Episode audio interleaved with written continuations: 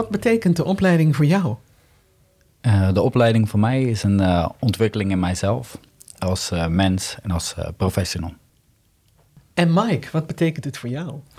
Voor mij is de opleiding een mogelijkheid om in de complexiteit en onzekerheid van hè, werken in het sociaal domein toch te kunnen floreren.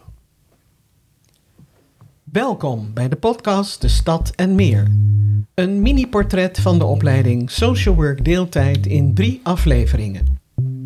In deze eerste aflevering ga ik in gesprek met Sandra, docent, Chris en Mike, beide student en peercoach. Welkom bij de betekenis van deeltijd voor organisaties voor de stad. Sandra, hoeveel studenten melden zich jaarlijks aan bij deeltijd? Er melden zich zo'n 100 tot 125 uh, studenten aan bij deeltijd. Oké, en wat is het totaal van studenten dat meedoet aan deeltijd? Ja, dan zit je toch wel op zo'n 4,500 studenten die rondlopen in de jaren 1, 2, 3 en 4. Ook mooi.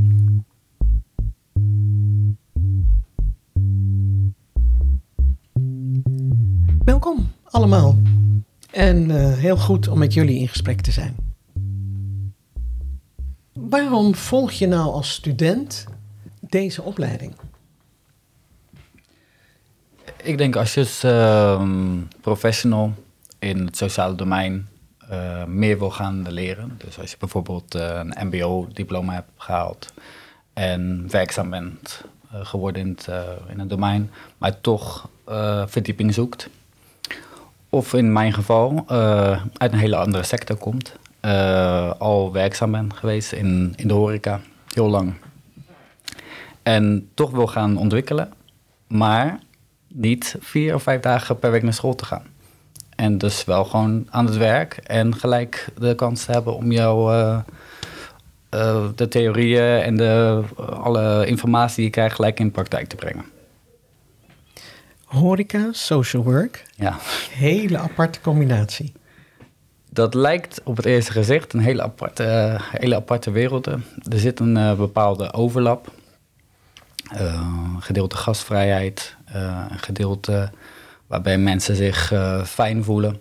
Uh, daar kan een ontwikkeling in zitten. Alleen de horeca zelf heb je natuurlijk geen ruimte daarvoor om met mensen in gesprek te gaan. Dus nou ja, je hebt een bepaald uh, plafond waar je tegenaan loopt in de horeca. En dat merkte ik. ik was altijd bezig met de mens in mijn werk, op mijn werk. Met de mensen met wie ik werkte en de gasten. En toen merkte ik dat daar een interesse lag die niet ontwikkeld was. Of eigenlijk om, om ontwikkeling vroeg. En toen ik na, in 2020 had besloten om terug te keren naar vele jaren in het buitenland, um, ben ik op zoek gegaan naar welke opleiding zou mij hierin verder kunnen helpen. En toen kwam ik de social work deeltijd uh, tegen, mij ingeschreven en nu in jaar drie. Ik neem aan dat je niet meer in de horeca werkt?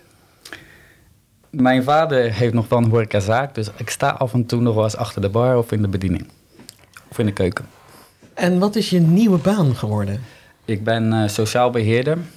Uh, dat doe ik bij organisatie uh, Stichting DOC. En dan werk ik in de wijk. sociaal beheerder. Als, ehm, wij pakken sowieso, facilitaire dingen aan van het Huis van de Wijk. Maar daarbij ook, hoe zorgen wij dat iemand die binnenkomt zich gast voelt om zich te ontwikkelen, om vrij te zijn, om nieuwe verbindingen te maken. Dus in principe heb ik een goede aansluiting gevonden met horeca en social work. En probeer dat ook met uh, evenementen en activiteiten te organiseren waar eten uh, een onderdeel van is. Mike, hoe is dat voor jou? Ja, er zit een bepaalde uh, parallel in mijn loopbaan met die van Chris. Ook ik kom vanuit oorspronkelijk een ander werkveld, het IT-werkveld. En heb daar uh, allerlei dingen mogen ontwikkelen. Uh, het, het, kunnen beheren van complexe systemen tot aan het ontwikkelen, tot aan uh, het managen van projecten. Dus dat is ook al mensenwerk rondom systemen. Maar daar ging het altijd over hoe kan de opdrachtgever efficiënter, meer geld verdienen, meer marge overhouden. Echte economische ja, beginselen, principes. En ik voelde gewoon de behoefte om dat meer in lijn te laten zijn met, uh, met mijn, uh, ja, mijn, mijn gevoel. En dat was toch mensenmens kunnen zijn. En dat ben ik nou eenmaal. Ook al heb ik overleefd in de IT-wereld, ik ben mensenmens. Dus ik heb in 2008 besloten om die, uh, die wereld te verlaten, die professionele wereld, en meer naar maatschappelijke organisaties op te schuiven. En wat doe je nu? Ik ben nu maatschappelijk begeleider bij Vluchtelingenwerk.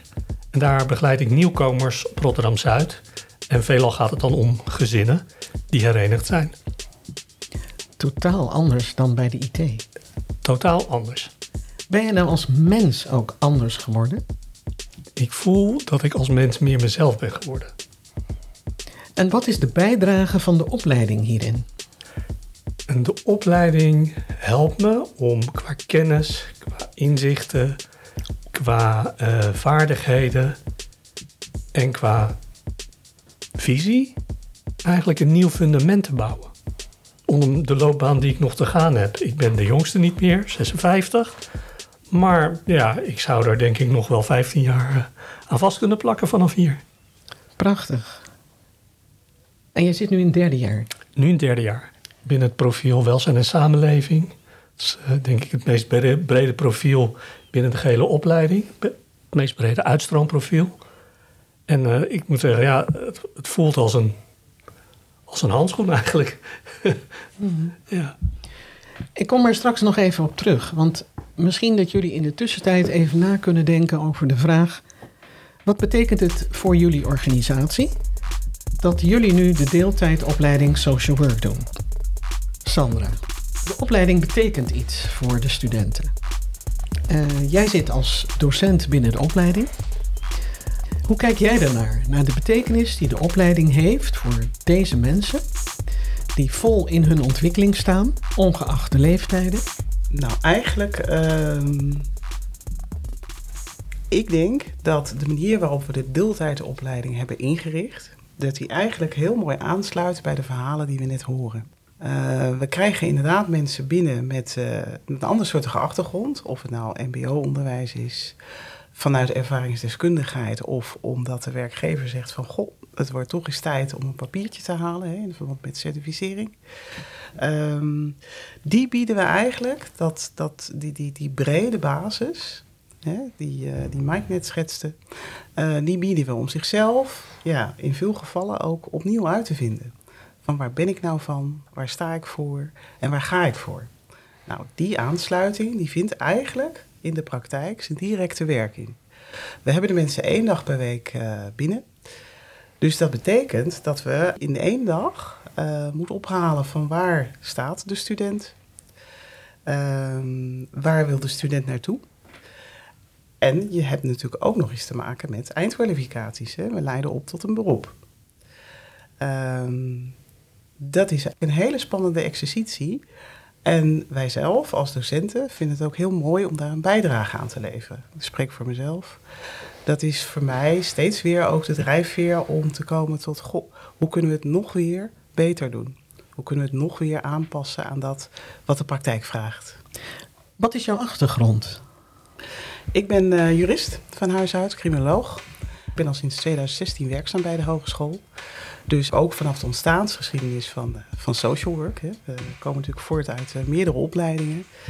Um, ja, ik heb al snel tijdens, maar ook na de studie een keuze gemaakt om ehm, in de vorm van belangenbehartiging aan de slag te gaan. Eerst als, nou ja, meer de juridische kant, hè, richting vrouwen- en kinderrechten, rechtshulp.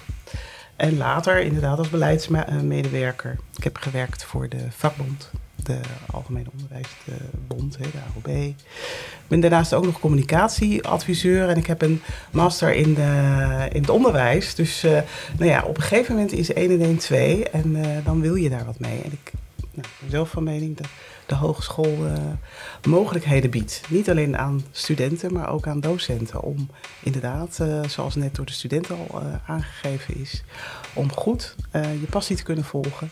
En te raken aan nou ja, dat waar je voor staat. En als het gaat om het instituut sociale opleidingen, heeft dat natuurlijk altijd te maken met maatschappelijke betrokkenheid.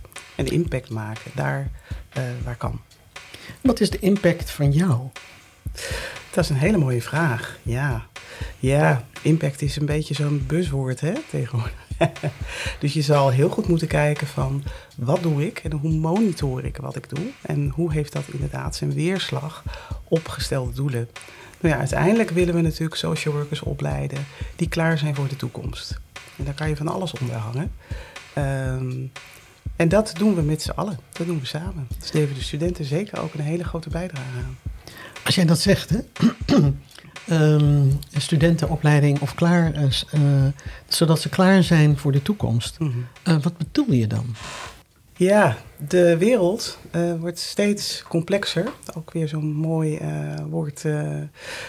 maar binnen, binnen de opleiding, instituut sociale opleidingen, ehm, heeft dat ook daadwerkelijk betekenis. Want zeker voor de deeltijd, de mensen zien iedere dag wat het betekent om die kloof die ontstaan is uh, in de samenleving, die steeds groter wordt. Uh, om een rol te kunnen spelen, om die wat te dichten. Of in ieder geval de mensen te begeleiden, bij te staan, te ondersteunen in uh, nou ja, wat er voor ligt, het vraagstuk wat voor ligt. En er zijn enorme maatschappelijke opgaven. En als hogeschool proberen we dan ook aan te sluiten daarbij in het onderwijs. Ja. Laat ik even teruggaan naar mijn vraag van straks. Ehm, want wat is de betekenis van de opleiding en de ontwikkeling die jullie doormaken voor de organisatie waar je werkt? Want Sandra had het over die maatschappelijke opgave. Heel concreet komen die natuurlijk terug bij die organisaties waar jullie nu bij zitten. Wat ik merk, wat ik heb gezien, ehm, voor, uh, ik heb het uh, profiel, net als Mike, uh, welzijn en samenleving. En daar zijn we echt met dat soort vragen aan de slag gegaan. En uh, ik werk in een huis van de wijk. Die werken mm, in opdracht uh, van de gemeente. En die hebben bepaalde uh, doelen gesteld voor, voor wat, wat, waar de Rotterdamse, waar Rotterdam als stad naartoe moet gaan. En ik denk dat wij, doordat wij daar die verdieping maken, kunnen wij voor onze organisaties beter aansluiten op de vraag van de gemeente en van de organisatie. En daardoor ook beter aansluiten op de vraag van onze onze doelgroep, onze, onze bewoners. Kun je dat concreter maken? Noem eens zo'n vraag van de gemeente. Of noem eens zo'n vraag van de doelgroep. Nou, uh, ze willen bijvoorbeeld de eenzaamheid onder ouderen uh, bestrijden. Er zijn 75 plus huisbezoeken. Maar wij gaan ook kijken naar wat, wat doet het met een bewoner die binnenkomt in een huis van de wijk. Hoe kunnen we zorgen dat deze mensen zich ondersteund voelen om het proces buiten het huis van de wijk door te zetten. Dat doen we onder andere door bewoners zelf dingen te laten organiseren. En dat, daar heb het gedeelte faciliteren. Dus het faciliterende gedeelte van mijn werk zorgt ervoor dat de mensen de ruimte krijgen om die ontwikkeling te starten. En de dingen die ik aangereikt krijg via de school, die helpen mij. Onder andere theorieën, maar ook gewoon gesprekken. Ik kijk altijd erg uit naar de dagen dat ik naar school ga, want dan heb ik een gesprek met Mike of een van mijn medestudenten of met de docenten over dingen die spelen in het sociale domein. Want soms lijkt het allemaal zo groot, die maatschappelijke opgave, en je wil heel veel. En dan helpt het weer om dingen in perspectief te brengen. En dat geeft je ook weer energie om weer door te gaan. Mike, hoe is dat voor jou? De betekenis van de opleiding voor de organisatie waar jij werkt? Ja, ik werk dan uh, op Zuid bij uh, Vluchtelingenwerk Nederland. En onze cliënten die komen daar nieuw binnen nadat ze een tijd uh, in allerlei opvanglocaties hebben mogen wonen en proberen te leven en te overleven. Ze krijgen dan een huis en dan begint voor hun een nieuwe fase. Maar die is, altijd, die is niet altijd uh, even geplaveid, dat pad. Of, of, hoe kun je die mensen nou effectief helpen om daar het beste van te maken?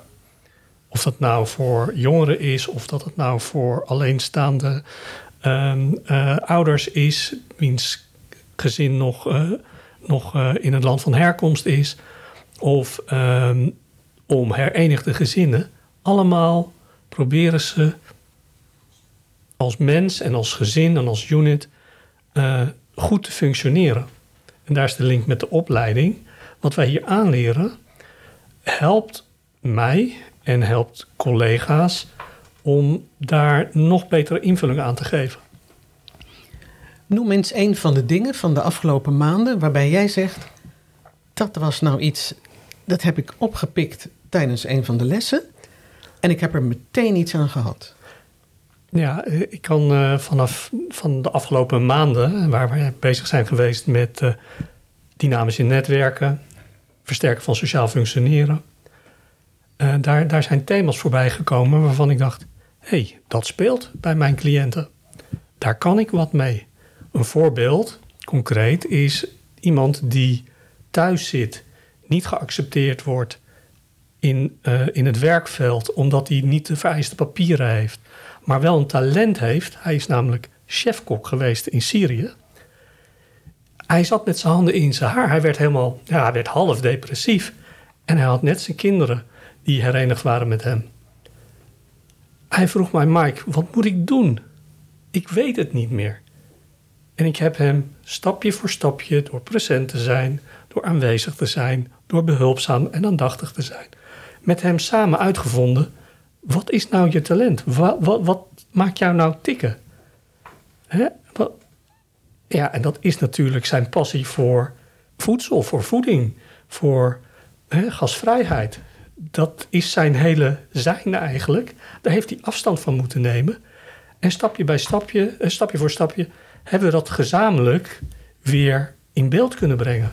Hij is inmiddels uh, mede door samenwerking met de gemeente, samenwerking met uh, ondernemers, heeft hij nu een betaalde baan in een restaurant. En daarnaast heeft hij op mijn, ja, mijn, uh, mijn, mijn aanvraag van goh, zou je dat interesseren? Is hij nu één dag in de week chef in een huis van de wijk voor mensen uit de wijk. En hij doet dat vrijwillig. Nou, dat vind ik nou een mooi verhaal om te laten zien wat de kracht is van wat je hier leert. En wat je dan gelijk kunt teruggeven vanuit je organisatie aan de cliënten waar je mee werkt. Ja, het is gewoon een ontroerend verhaal. Sandra, wat zijn nou dingen voor jou die maken dat jij zegt: uh, ja, het is gewoon geweldig om docent te zijn binnen deze opleiding? Nou ja, ik heb natuurlijk weinig toe te voegen aan wat hier uh, gezegd wordt hè, vanuit die studenten. Dat is uh, meteen de opmaat naar waar we het allemaal voor doen. Um, als je inderdaad kijkt naar uh, hoe onderzoek en onderwijs ingezet kan worden, eigenlijk als vliegwiel, hè, om, om, om ehm, gemeenschappelijkheid, kansengelijkheid en handelingsperspectief te vergroten, want daar hebben we het dan over. Ja, dat zijn voor mij natuurlijk ook de drijfveren om steeds weer uh, ja, ook mezelf te vernieuwen en, en, uh, en, en uh, up-to-date te blijven bij hè, wat, wat speelt er allemaal. En, en dat ook onmiddellijk te proberen een plek te geven in het onderwijs. En dat doen we dus, nou dat blijkt ook wel uit de verhalen, dat doen we echt samen. Ja. Jij bent behalve docent in de zin van je geeft les in de opleiding, doe jij nog meer? Ja. Binnen de opleiding, maar niet per se binnen de opleiding. En wat is dat? Ik ben uh, ook werkzaam uh, bij, uh, als projectleider bij, het, bij de EMI. Dus het Expertisecentrum Maatschappelijke Innovatie. Nou, daar zit het woordje innovatie in. Hè? Dus nou, ik geloof, daar ben ik ook wel van. In de zin van als het gaat om wat is er nou nodig. Nou, ik had net het vliegwiel hè, als voorbeeld. Om inderdaad vanuit iets kleins, en dat kan nou, ook na van het verhaal van, van Maaike, klein beginnen bij dat wat er is, aanhaken, nabij zijn. Hè. Dus we zitten inderdaad ook in de wijk, Emi op Zuid. Uh, en kijken hoe je dat inderdaad in kan zetten en leren uh, om tot grotere, bredere uh, ontwikkeling te komen. Waar direct de bewoners ook iets van aan hebben. Het onderwijs iets aan heeft, gemeente iets aan heeft. Dus dat is weer vanuit een ander perspectief. Maar ook allemaal bruikbaar en inzetbaar in het onderwijs. Ja. Want zou je kunnen zeggen dat de opleiding ook betekenis heeft voor de stad? Ja, dat denk ik wel. Dat denk ik wel. Dat is wel het streven. En ik zie ook um, dat het gebeurt. De verhalen die we net horen, ja, daar draag je natuurlijk aan bij. Uh, een Huis van de Wijk staat in een wijk. Wordt uh, voor een groot deel ook uh, gefinancierd door, door de gemeente. is er voor de bewoners. Dus in die zin is er impact. En tegelijkertijd denk ik, ja, daar valt ook nog wel heel veel winst te behalen. Hè? Als we zien van, nou, we hadden het net even over die kloof. Uh, dat we goed kijken van waar kunnen we nog effectiever inzetten om inderdaad ja, vanuit maatschappelijke betrokkenheid, maar ook ja, vanuit gewoon het behalen van resultaten, als het gaat om waar kan je nou het verschil maken, ehm, om te zeggen van ja, we gaan de wijk in, maar we blijven ook. dus het is niet zo dat we uh, ergens gaan zitten en zeggen van... goh, we hebben mooie dingen opgehaald en dat belandt onderin een la. Nee, daarmee gaan we aan de slag. En dat is het estafette leren, hè, waar, we, waar we steeds handiger in worden eigenlijk. Ja. En je zegt handiger in worden. Wat bedoel je dan? Ja, dat je eigenlijk dat wat je leert, dat wat je ophaalt vanuit onderwijs, onderzoek, in samenspraak met degene hè, waar het om gaat. Dus dat is enerzijds de student, maar kan ook de bewoner zijn. Uh, of inderdaad uh, aanhakend bij gemeentelijk beleid. Dat je steeds sneller eigenlijk vanuit die haakjes kan zeggen van oké, dit is wat we opgehaald hebben en dat geven we door. We geven kennis door, we geven manieren van dingen aanpakken door om te zien van hoe je nog beter inderdaad tot, tot effect kan komen. Dus dat is mooi. Oké. Jullie zitten in het derde jaar. Klopt. Wat was nou de uh, het mooie van het eerste jaar voor jullie? We gaan zo de jaren even langs. Ja. Eerste jaar, tweede jaar, derde jaar. Wat was het eerste jaar? Een verdieping in kennis. Heel veel theorie van ontwikkeling, psychologie tot hoe gemeentes in elkaar zitten. Er wordt heel veel kennis doorgegeven. In het eerste jaar ga je ook uh, een beginnend onderzoek maken. Ja, dus uh, ze beginnen uh, je al voor te bereiden op het afstuderen. Dus ik heb er kleine onderzoeken gemaakt. Methodisch handelen. Uh, is eigenlijk gewoon een start, een mooi startpunt. En voor jou? Ja, ik sluit me aan bij Chris. En wat, het, wat ik merk dat daar voor mij heel erg het verschil heeft gemaakt, is de manier waarop medestudenten uh, mij nog breder lieten laten kijken in hun, in hun keuken, in hun praktijk. Het inspireerde mij om niet alleen kennis te nemen van wat er te leren valt vanuit de inhoud, maar ook wat er al aanwezig is binnen de maatschappij en binnen organisaties en bij professionals die al actief zijn. En voor mij was het gewoon een soort van brede introductie in het sociaal domein via mijn medestudenten. En toen kwam het tweede jaar. het tweede jaar, uh, ja, voor mij was het de overstap. Ik was, het eerste jaar was ik vrijwilliger. Uh, dat deed ik bij uh, organisatie Thuis op Straat. En dat was voor mij de eerste keer dat ik echt aan het werk ging in het sociale domein. En toen merkte ik van, hé, hey, het is inderdaad, je moet wel die balans, is zo belangrijk. En het tweede jaar om die te behouden. Dus wanneer ga je studeren? Hoeveel uur ga je erin steken? En uh, je ziet ook gewoon dat je met een nieuwe klas, dus je, je netwerk wordt inderdaad, zoals Mike net uh, aangaf, uh, wordt nog groter. Want je gaat mensen uit andere domeinen ook leren kennen. Dus het sociale domein hebt. Een gedeelte zorg, een gedeelte GGZ, een gedeelte in de wijk. Nou, je merkt dat je dus door die husseling van, van nieuwe mensen weer hele andere dingen meekrijgt. Dus het is alsnog weer een verdieping. Weer een, een leveltje verder van boven. En hoe was het voor jou? Ja, het voelde ook als het tweede laagje van de lasagne. lasagne, ja. Ja, en, en, het, um, en toch moet je er je eigen smaak aan geven. Uh, uh, je eigen ingrediënten aan toevoegen. Creatief zijn met wat je aangereikt krijgt en wat je tegenkomt in de praktijk. En dat tweede jaar heeft me daartoe aangezet. Voorbeeld is het, uh, ja, het werken binnen de cursus kwaliteit van leven met het thema positief gezondheid van de onderzoekster Machtel Huber. Dat heb ik concreet kunnen maken in mijn eigen werkpraktijk. Ik heb, ja, zoals ik vertelde, ik werk bij vluchtelingenwerk, mensen met uiteenlopende talen. Hoe krijg ik nou de simpele vragenlijst van het model van Huber beschikbaar voor mensen met uiteenlopende, die uiteenlopende talen, behalve het Nederlands, machtig zijn?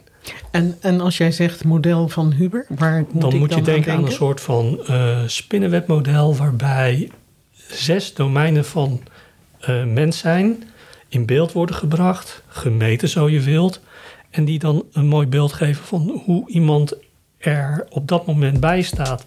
Hoe vindt hij dat eh, het fysiek gaat, mentaal gaat, eh, qua interactie met de omgeving gaat? Hoe voelt hij dat hij of zij kan participeren? Ehm, dat soort dingen, om dat bespreekbaar te maken op een manier die dan uiteindelijk leidt tot zinvolle gesprekken. Daar was ik naar op zoek, al die tijd al dat ik bij vluchtelingenwerk werkte. En dit model, dat biedt m- mogelijkheid om daar handen en voeten aan te geven. En wat ik terugkrijg van de cliënten, doordat ik het tweetalig heb gemaakt, Nederlands, Arabisch, Nederlands, Chinees, eh, nou, noem maar welke willekeurige taal, dat is technisch mogelijk. En met wat inspanning kun je tot een hele goede kwalitatieve dubbeltalige vragenlijst komen. Het gesprek gaat worden ineens over wezenlijke dingen die mensen anders niet aan de orde stellen. Bijvoorbeeld als je een zelfredzaamheidsmatrix invult, kan je dit? Hoe goed kan je dat? Waarom kan je dat nog niet zo goed? Eh, weet je, dat is een hele, dat is echt een contrast van wat er opgelegd wordt, veelal vanuit hè, overheid, gemeente, normen, naar wat heeft deze cliënt echt nodig? Wat helpt hem of haar echt verder? Ja, als ik jou goed begrijp, is die andere vragenlijst, hè, dat model van, Van Huber, van ja. Huber, is meer de lijst die kijkt naar wat zit erin. En het is een manier om eruit te halen wat erin zit. Ja, en ook om eh, bespreekbaar te maken, vooral wat erin zit. Want ja, het zijn natuurlijk best wel veel domeinen, maar de focus, zeker ook van nieuwkomers, is vaak op overleven.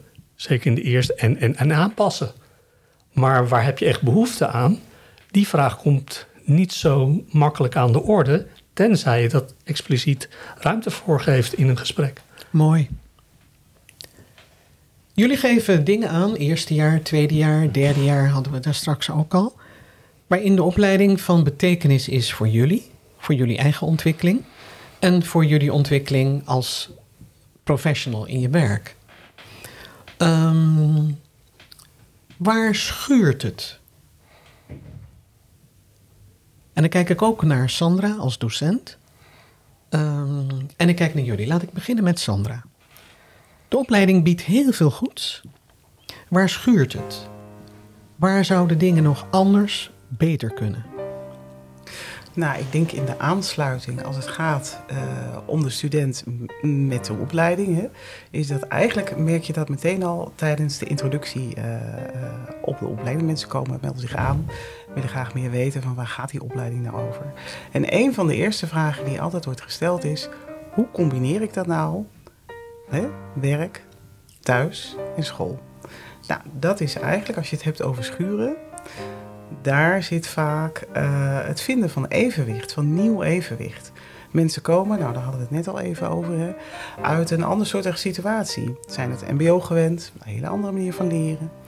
Eh, of hebben jaren eh, eigenlijk gezegd van weet je, ik, heb, ik geef prioriteit aan andere zaken.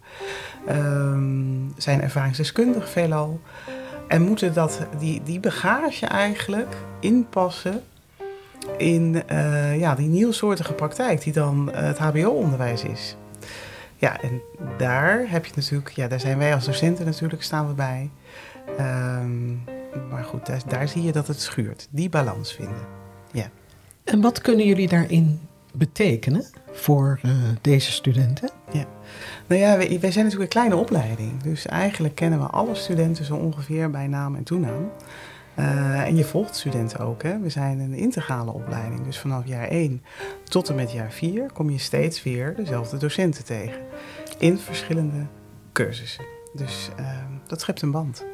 Ehm, we hebben inderdaad eh, nou, hier de twee peercoaches zitten die eh, het hartstikke goed doen. Ook daarin, hè, want je wil ook wel eens gewoon met je medestudenten kunnen levelen, om het maar even zo te noemen. Uh, zit een uh, manier om inderdaad dat schuren net even ietsjes te vergemakkelijken. Um, maar goed, het blijft een uitdaging. Het is onderwijs wat inderdaad gericht is op de beroepspraktijk, maar toch ook een hele berg theorie. Um, om je dat eigen te maken, ja, daar moet je een berg over een persoonlijk vaak een berg over. Maar dat hoef je niet alleen te doen. We werken in groepen. Uh, de docent is inderdaad, nou, wat ik zeg, dichtbij. En het onderwijs is er ook op ingericht. We weten wel ongeveer wat een student kan, moet en uh, misschien ook wil. uh, en daar passen we het onderwijs op aan. en we horen graag terug, ook in evaluaties, van klopt het allemaal nog? Zijn we oké met elkaar? en anders dan, ja, dan gaan we aanpassen. Dat is een beetje hoe we dat doen. Ja. Top. Dat schuren. Hoe is dat voor jullie? En ook peercoach zijn. Dat is nog een onderbelicht uh, onderwerp. Wil ik ook nog even naar kijken met jullie. Ja, dat schuren dat hoort er denk ik wel een beetje bij. En dat hoort ook wel een beetje bij het, uh, het uh, beroep social worker. Hè? Je, gaat, je vraagt hoe het beter kan, hoe iets, hoe iets ontstaan is. Het, het, is voor mij het, een drijfveer. Dat, schuren, dat moet ook wel gebeuren om bewust te worden van bepaalde processen in jezelf, waar je invloed op hebt en waar je geen invloed op hebt. En het is zo fijn dat je eigenlijk op de opleiding kom je gelijkstemd, ge, uh, gelijkgestemden tegen uh, en daaraan mee te denken. Hoe en dan als peercoach, ja, ga je het weer van de andere kant af belichten. Van hoe is het als student naar student? Hoe kunnen we ondersteunen? Wat kunnen wij doen als medestudenten om mee te kijken? En er zitten hele mooie, mooie voorbeelden van uh, gesprekken die we hebben gehad met uh, tweedejaarsstudenten. Waar ze tegenaan liepen. Want dat waren ook vaak dingen waar wij zelf tegenaan liepen. Dus dan was het achteraf van, hey, wat voor advies kunnen we geven aan iemand? Of moeten we de dingen Mm, hoe gaan we die oppakken? Hebben wij ondersteuning nodig van een SLC of van onze uh, begeleider van de peer coaching?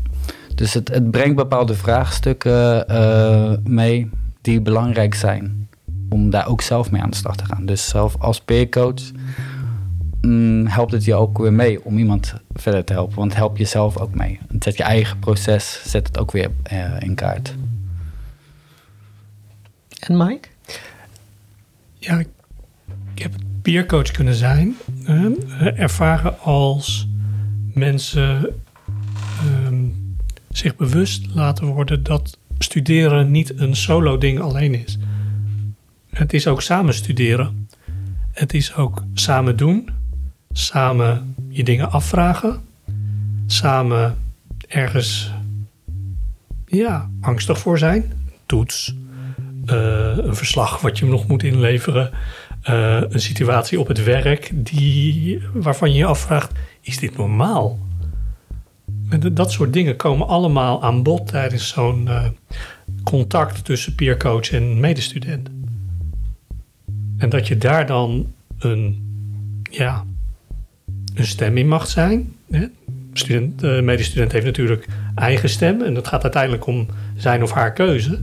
Maar in dat proces van beeldvormen, meningsvormen en besluiten nemen, daar help je ze, daar, daar, ga je een stukje parallel lopen. En uiteindelijk nemen ze zelf de beslissing, maar uh, achteraf krijgen we terug, vaak terug. Fijn dat je erbij was, fijn dat je even meeliep. Er is ontzettend veel langsgekomen tot nu toe in deze podcast. Aan jullie alle drie nog de vraag: wat moet er absoluut nog in deze aflevering aan de orde komen? Wie wil eerst? Ja, ik wil wel ja. wat zeggen. Kijken elkaar aan. Geweldig, deze ja, even. creatieve spanning. Uh, nou, weet je, uh, laat ik beginnen. Uh, ik heb er natuurlijk een beetje over nagedacht. Over wat, wat, zou ik nog extra in willen brengen. Ik heb een heel lijstje, maar voor mij het belangrijkste. Ehm, je leert niet alleen samenwerken, uh, interprofessioneel. Je leert niet alleen naar binnen kijken, reflecteren bij jezelf. Je leert ook naar buiten kijken. Wat heeft de situatie nodig? Wat heeft de context nodig? Zeker in het profiel welzijn en samenleving, maar ook in de andere profielen. En wat ik daar graag aan toevoeg, is dat we ook leren om voorwaarts te kijken en te handelen. Dus handelingsperspectief, zei Sandra eerder. Een visie, een uh, vooruitkijken. Kun je dienend zijn vanuit een gedeeld perspectief? Ik noem dat preflexief zijn. Dus voor, voorwaarts en naar buiten. In plaats van naar binnen en in problemen denken, voorwaarts en in oplossingen denken en handelen. En uiteindelijk eh, gaat het erom, kun je onder al die complexiteit en onzekerheid, kun je toch floreren? Kun je toch jezelf zijn en van toegevoegde waarde zijn, impact maken? Ook als het even lastig wordt. En wat voor mij denk ik heel belangrijk is, is dat als iemand die podcast dadelijk gaat luisteren en die denkt, ik wil nog een verdieping maken, ik wil nog verder, ik wil meer leren. En kan dat op deeltijd? Dan misschien die motivatie te vinden van dat wil ik mee. Want wij hebben een hele diverse groep aan uh, mensen op de opleiding. Van 20, 30, 40, 50 jaar. Daar zit de kracht van de deeltijdstudent. En ik denk dat voltijdstudenten zijn er natuurlijk niet minder op. Die hebben een kracht. Zijn jonge mensen, zijn heel creatief. Maar we hebben hier ook mensen met een uh, levenservaring, met een verhaal. En een reden dat ze social worker willen worden. En dat is denk ik het mooie wat, wat ik mee wil geven. Dat de deeltijdopleiding je ook verrijkt daarin. In die contacten. En die waarschijnlijk voor het leven zijn. Ja, wat heb ik hier nog aan toe te voegen? Hè? Mooi. Ja, ik uh, zeg maar vanuit de docentenrol kan ik eigenlijk uh, ja, alleen maar beamen wat ik net heb gehoord. Is er nog iets om te zeggen? Nou ja, ik denk uh, uiteindelijk de ontstaansgeschiedenis van deeltijd ooit is geweest van laten we nou eens goed tweede kans onderwijs maken. Um, en ik denk dat we, dat we die nog steeds als brandend vuurtje dragen. Hè? Mensen die er even tussenuit zijn geweest en zeggen: joh, ik heb nog zoveel goede arbeidsjaren in me. Of mensen die uit de, vol de voltijd zeggen: ik wil juist nu die arbeidsmarkt in. Ik wil aansluiten op het onderwijs, maar ik wil met twee benen in die praktijk staan. Nou ja, dat dat uh, beide dingen zijn waar, uh, waar ruimte voor is en moet blijven. Ja. Ik dank jullie hartelijk voor dit gesprek. En ik zou willen zeggen tegen alle luisteraars: van harte welkom bij de tweede aflevering. En de tweede aflevering heeft als titel De wereld die binnenkomt.